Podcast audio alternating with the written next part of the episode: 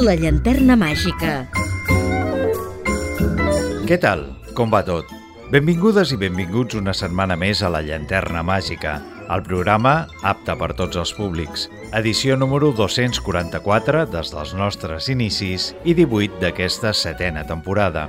La carrera pels Premis Goya va donar inici amb la lectura de la llista dels nominats i nominades per part de Blanca Portillo i Nora Navas, respectives guanyadores del Cap Gros a millor actriu protagonista i de repartiment en l'anterior edició dels Premis. Amb dues intèrprets es van permetre fer broma amb el sorprenent de les nominacions per a les quatre favorites d'aquest any i van celebrar la notòria presència de dones en totes les categories, sobretot en la de direcció novell, on potser la sorpresa és la presència de Juan Diego Boto, nominat en aquesta categoria per En los márgenes. Com a curiositat, totes les categories compten en cinc finalistes des d'aquest any. Fins ara eren quatre, excepte la de millor vestuari, al produir-se un empat en les votacions i que, excepcionalment, en té sis, però abans d'endinsar-nos en el tema, deixeu-me que us recordi que podeu seguir la nostra activitat i escoltar els darrers programes emesos a les xarxes socials. Segueix el programa al Facebook facebook.com barra la llanterna màgica.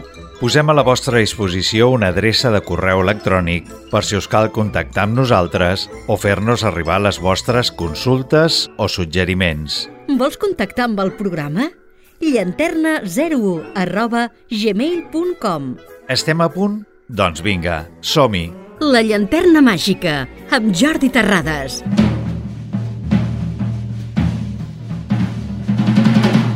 Les actrius Blanca Portillo i Nora Navas van ser les encarregades d'anunciar des de la seu de l'Acadèmia de Cine quins serien els nominats per la 37a edició dels Premis Goya. La gala es celebrarà a Sevilla el proper 11 de febrer. A més, Fernando Méndez Leite, el president de l'Acadèmia, va donar a conèixer una bona notícia per al cine espanyol i que té molt a veure amb la bona i prolífica collita d'aquest any. Fins ara, excepte la categoria de millor pel·lícula i millor curt de ficció, totes les categories comptaven amb quatre candidats. En aquesta edició, la Junta Directiva de l'Acadèmia ha decidit que en la propera edició dels premis el nombre passarà de les quatre actuals a cinc nominacions per cada categoria. A més, la ciutat sevillana s'impregnarà de l'esperit dels premis durant els dies previs a la cerimònia, oferint projeccions de les pel·lícules nominades acompanyades de trobades amb els seus autors i protagonistes, taules rodones, exposicions, concerts i un fotocol que s'instal·larà a l'Ajuntament per fotografiar-se amb una rèplica d'un Premi Goya. és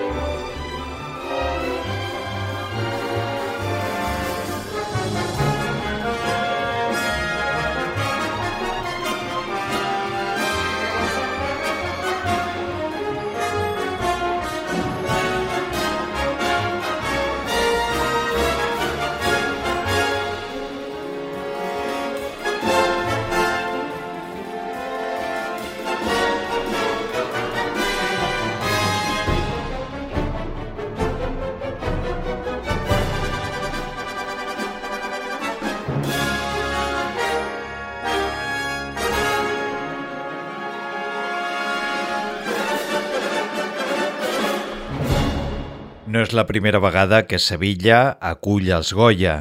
L'edició de l'any 2019 també es va celebrar a la ciutat. Els presentadors de la gala seran els actors Antonio de la Torre i Clara Lago, estrenant-se com a conductors d'una entrega dels Premis de l'Acadèmia de Cine.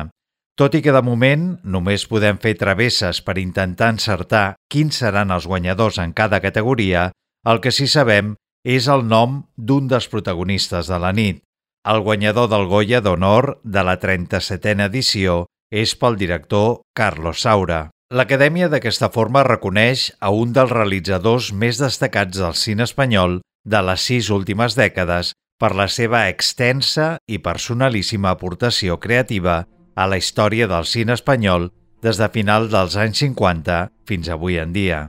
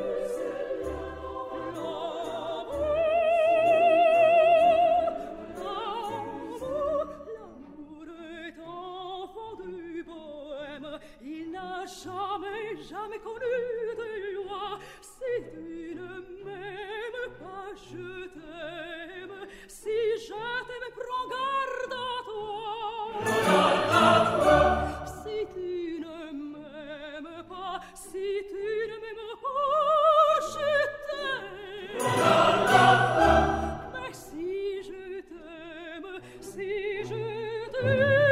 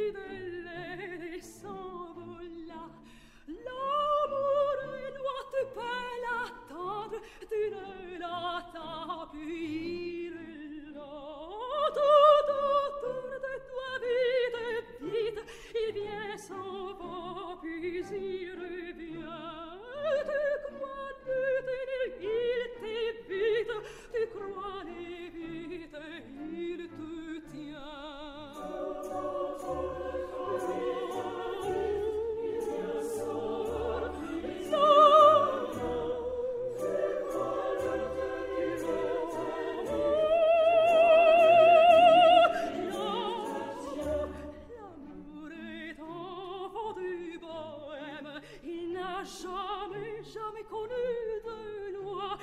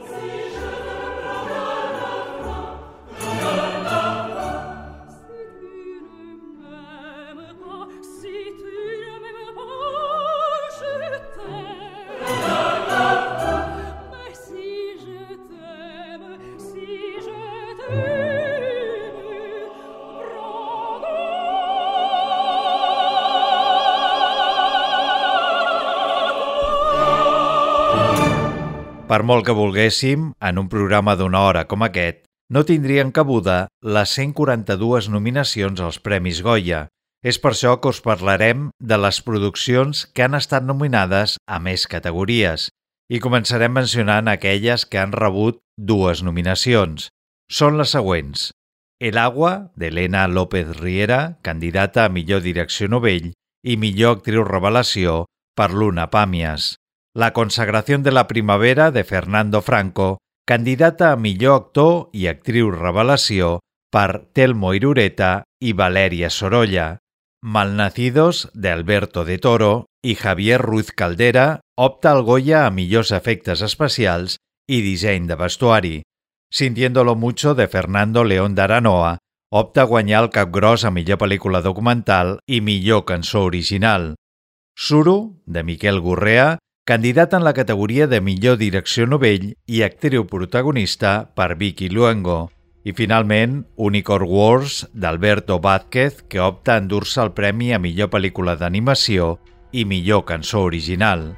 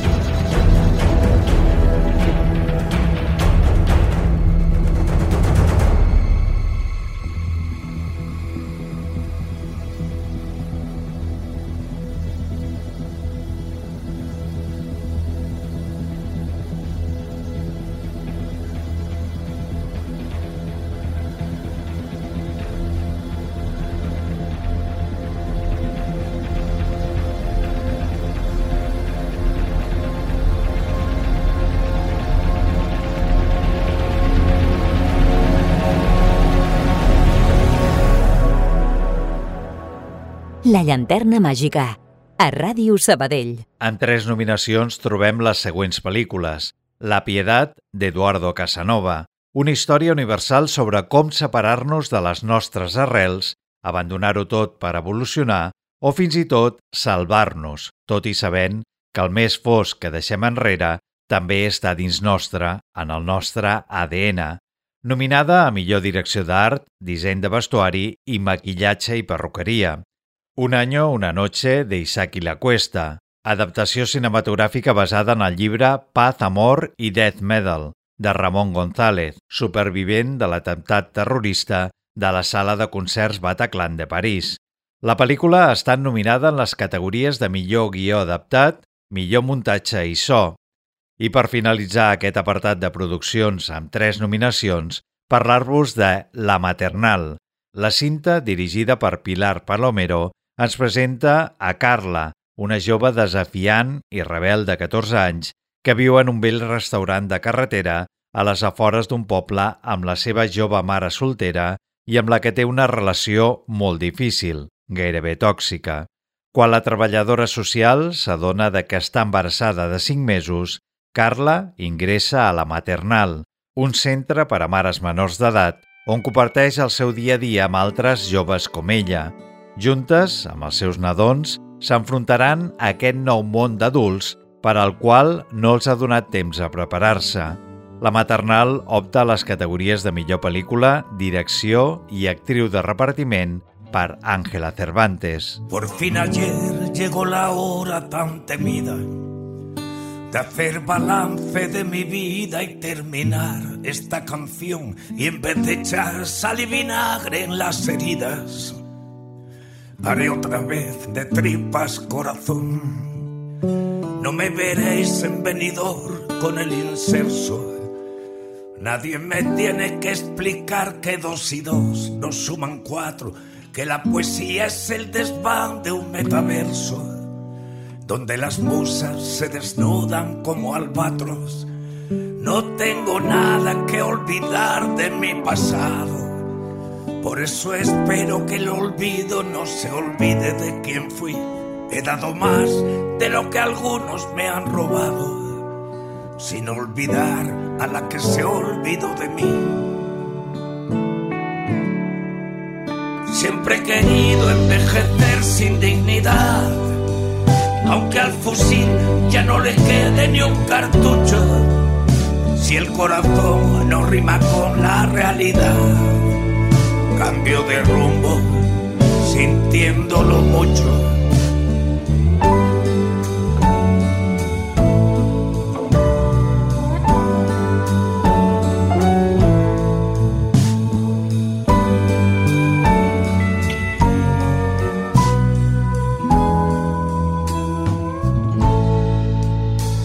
Muchos creyeron que me habían amortizado. Cuando viajé del Within Center en camilla al hospital, con los dedos del serrate entrelazados, devolviéndome las ganas de cantar. El pan de ayer no es un buen postre para hoy. Mañana lunes es momento de inventarse y apostar ya que Fernando me ha pintado en esta peli tal cual soy, un taur que no se cansa de arriesgar. Siempre he querido envejecer sin dignidad, aunque al fusil ya no le quede ni un cartucho. Si el corazón no rima con la realidad, cambio de tercio, sintiéndolo mucho aunque entre el sueño y el papel algo se pierde. Y con los años duele más cuando me escucho fingiendo ser un estupendo viejo verde. Y lo de viejo sintiéndolo mucho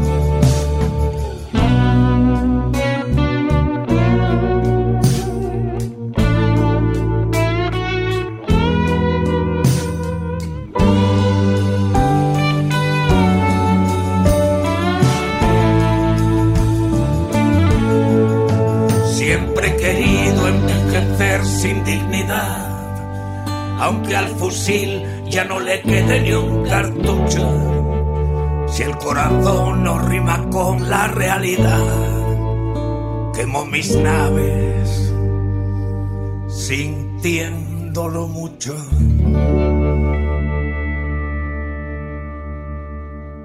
En quatre pel·lícules, en una dècada, cada una més pròpia i única que les de més, Carlos Bermud s'ha consagrat com a una de les mirades més interessants del cine actual, capaç d'esbocinar, fent servir la càmera com a bisturí, el més decadent de la societat. Mantícora és, potser, la seva millor pel·lícula, però també la més dura de veure. Una obra mestra del cinema de monstres en què no s'ha gastat ni un duro en efectes especials. A Mantícora tot és un joc d'aparences, mentides, vels, vergonya i negació de l'ésser. La cinta, amb els seus silencis i la seva incomoditat buscada en els diàlegs, busca l'estranyesa en la normalitat i la singularitat del que és quotidià.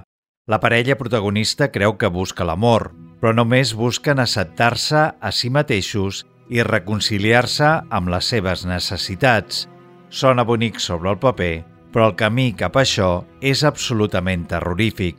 La producció arriba als Goya en quatre nominacions. Millor direcció, guió original, actor protagonista per Nacho Sánchez i actriu revelació per Zoe Stein.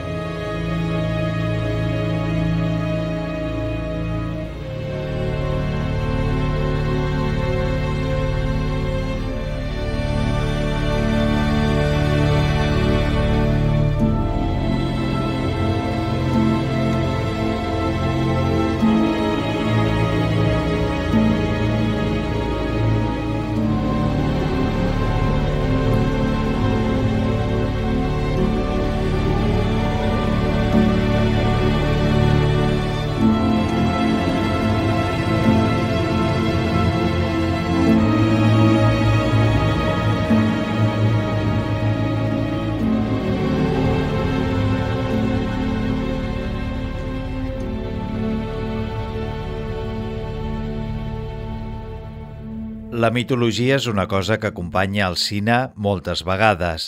Ara us parlaré de Irati, la nova pel·lícula de Paul Urquijo, que al Festival de Sitges va agradar molt i es va emportar el Premi del Públic. Irati és un film on la mitologia basca i l'aventura fantàstica són protagonistes. La producció ens situa al segle VIII. Davant l'atac de l'exèrcit de Carlemany, travessant els Pirineus, el líder de la vall demana ajut a una deessa ancestral. Mitjançant un pacte de sang, derrota l'enemic donant la seva vida a canvi. Però abans fa prometre al seu fill, Eneco, que protegirà i liderarà el seu poble a la nova era.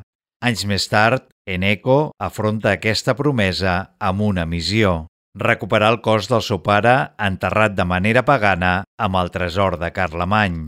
Tot i la fe cristiana necessitarà l'ajut d'Irati, una enigmàtica pagana de la zona. Els dos joves s'endinsaran en un estrany i inhòspit bosc, on tot allò que té nom existeix. El que més destaca a Irati és l'elegància que desprèn en la narració i en l'aspecte visual. I és que no només els efectes visuals funcionen a la perfecció, sinó que les localitzacions escollides per al rodatge són una autèntica meravella. Irati va rebre cinc nominacions de l'Acadèmia. Mm.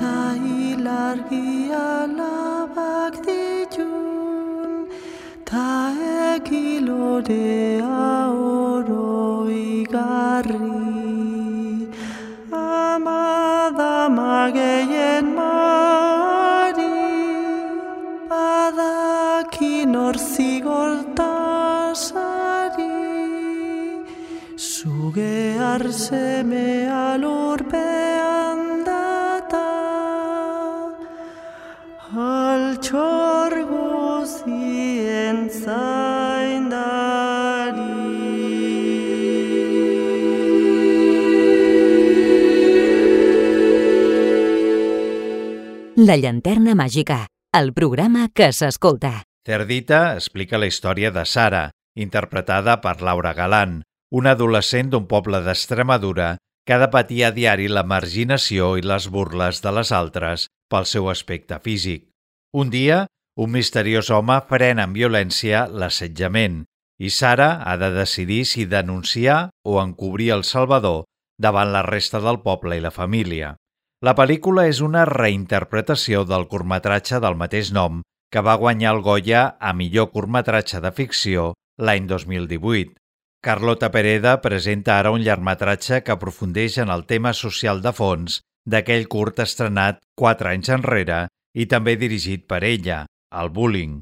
Terdita sap comprendre's molt seriosament la brutalitat de l'assetjament a través del dilema moral que viu la seva protagonista i també com incorporar la part més lúdica que hi ha en el seu joc de gèneres. La pel·lícula arriba a l'entrega de premis amb sis nominacions. Millor direcció novell per Carlota Pereda, guió adaptat, actriu de repartiment per Carmen Machi, actriu revelació per Laura Galán, direcció de producció i maquillatge i perruqueria. Haurem de veure com es desenvolupa la nit.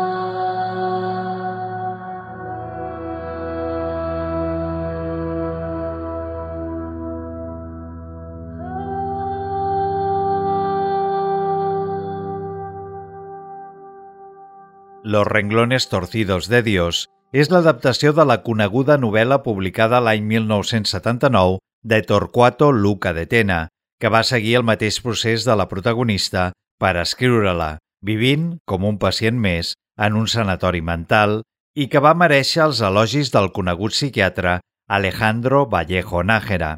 Es modifica l'estructura lineal de l'obra original, però la fidelitat és absoluta, fins i tot amb la protagonista fumadora, de forma que Oriol Paulo, director i coguionista en Guillem Clua, utilitzen dos fils narratius. Un, el ja descrit, i l'altre que ens mostra un incendi que afecta el centre psiquiàtric on s'ha produït un assassinat i que els malalts al pati i sota la pluja es troben molt alterats. Aquesta idea introdueix encara més suspens i dona peu a alguna sorpresa. A part de comptar amb una bona narració, destaca el magnífic disseny de producció i la selecció del repartiment que interpreta els malalts mentals, una galeria de personatges amb deformitats i rareses molt aconseguida i creïble. Fantàstica Bàrbara Leni, que imprimeix a la seva Alice Gold tots els drets que se li suposen, i també, com no, destacar a Eduard Fernández. Sis nominacions als Goya l'avalen com a una de les millors produccions d'aquest any.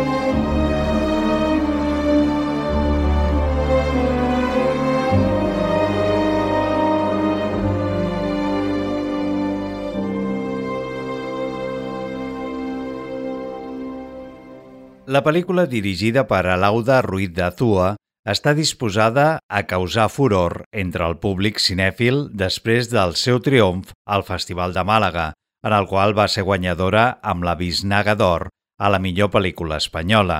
M'estic referint a Cinco Lobitos. Hi ha alguna cosa especial en aquesta generació de dones cineastes.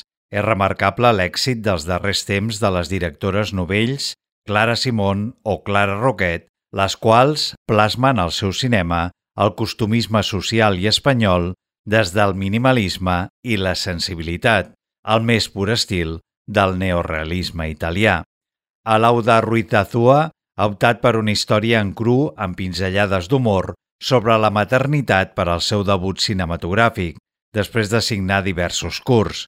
11 nominacions, als màxims guardons del cine espanyol, avalen la pel·lícula i en signifiquen que estem davant d'una gran producció. El mateix podríem dir del Carràs, de Clara Simón, que opta a 11 categories dels Goya, igual que Cinco Lobitos. La realitzadora va aconseguir commoure a la Berlinale a tots els que van visionar aquesta història que retrata les constants amenaces a les que s'enfronten els agricultors diàriament. Tant va ser així que Carla va convertir-se en la primera directora a aconseguir el preuat Os d'Or gràcies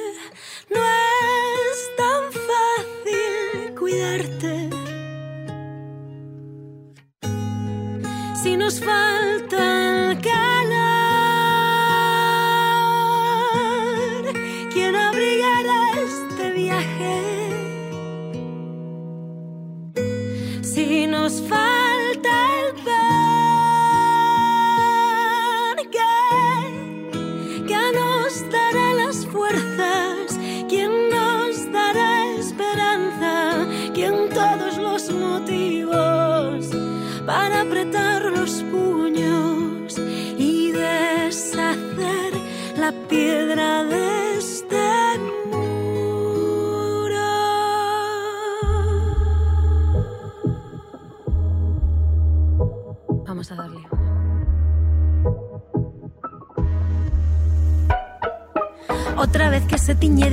el sendero por andar. Las llamas de mi fuego nos impiden respirar. La marea empuja el barco, se da del tiempo. Se truca la balanza, nosotros con la rabia al cuello. Instrumento nuevo para aplacar el miedo. El grande se come al chico y sobrevive el fiero. Sobrevive el Reconozco en tu mirada mi misma desesperación. Dejamos redes nuevas, la fuerza será nuestra unión.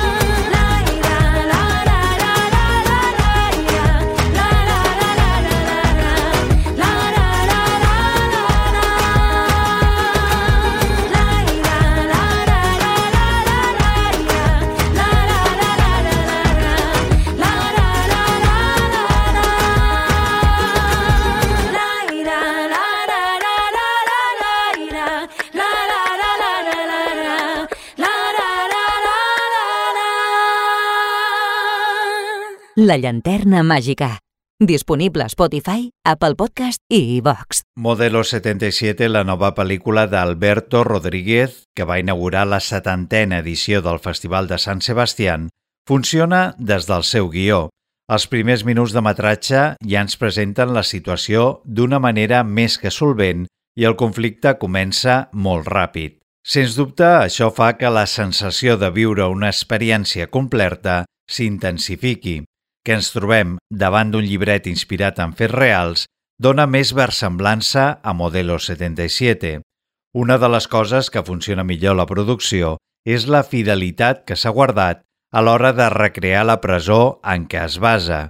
Quan veiem a la seqüència de crèdits les fotos originals, ens adonem de la gran tasca que hi ha al darrere d'aquest projecte.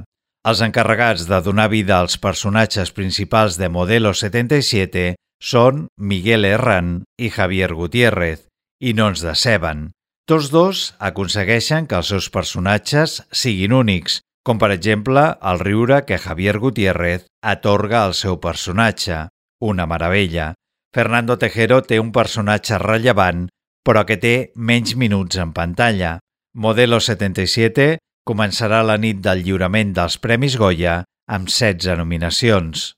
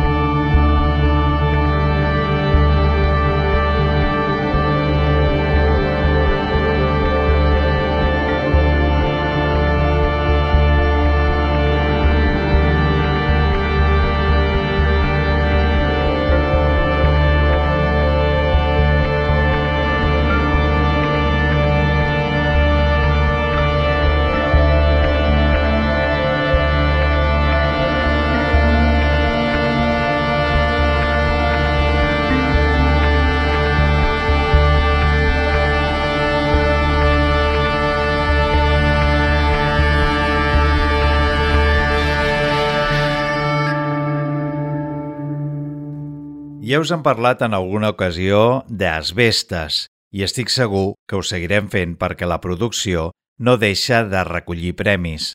L'exitós director de cine, Rodrigo Sorogoyen, ha dirigit un nou llargmetratge anys després de signar El Reino, que ja li va donar moltes alegries. La pel·lícula està coescrita per Isabel Peña i protagonitzada per Marina Foas, Denis Menochet i Luis Zaera, entre d'altres. El paradís rural, ple de paratges meravellosos i una bellíssima fauna salvatge, no està absent de la crueltat humana que l'habita. Asbestes dibuixa un relat asfixiant sobre les diferències entre iguals que ostenten diferents interessos. Com va fer Malik a la seva darrera pel·lícula, Vida oculta, aquí també reflexiona sobre el conflicte entre germans, entre membres d'una mateixa societat que, malgrat compartir espai i inquietuds, es veuen embolicats en una cruenta batalla. Asbestes possiblement sigui la gran guanyadora d'aquest any dels Premis Goya. El que sí és segur és que és la que opta a més premis. 17 nominacions de moment la situen com la més destacada del 2022. Caldrà esperar a l'11 de febrer per veure si es compleixen les prediccions. No tenim temps per més. Rebeu una salutació de qui us ha estat acompanyant al llarg d'aquest programa, Jordi Terrades. Gràcies per la vostra atenció. Com sempre us diem, sense vosaltres no seríem res i us esperem a la propera edició de La Llanterna Màgica.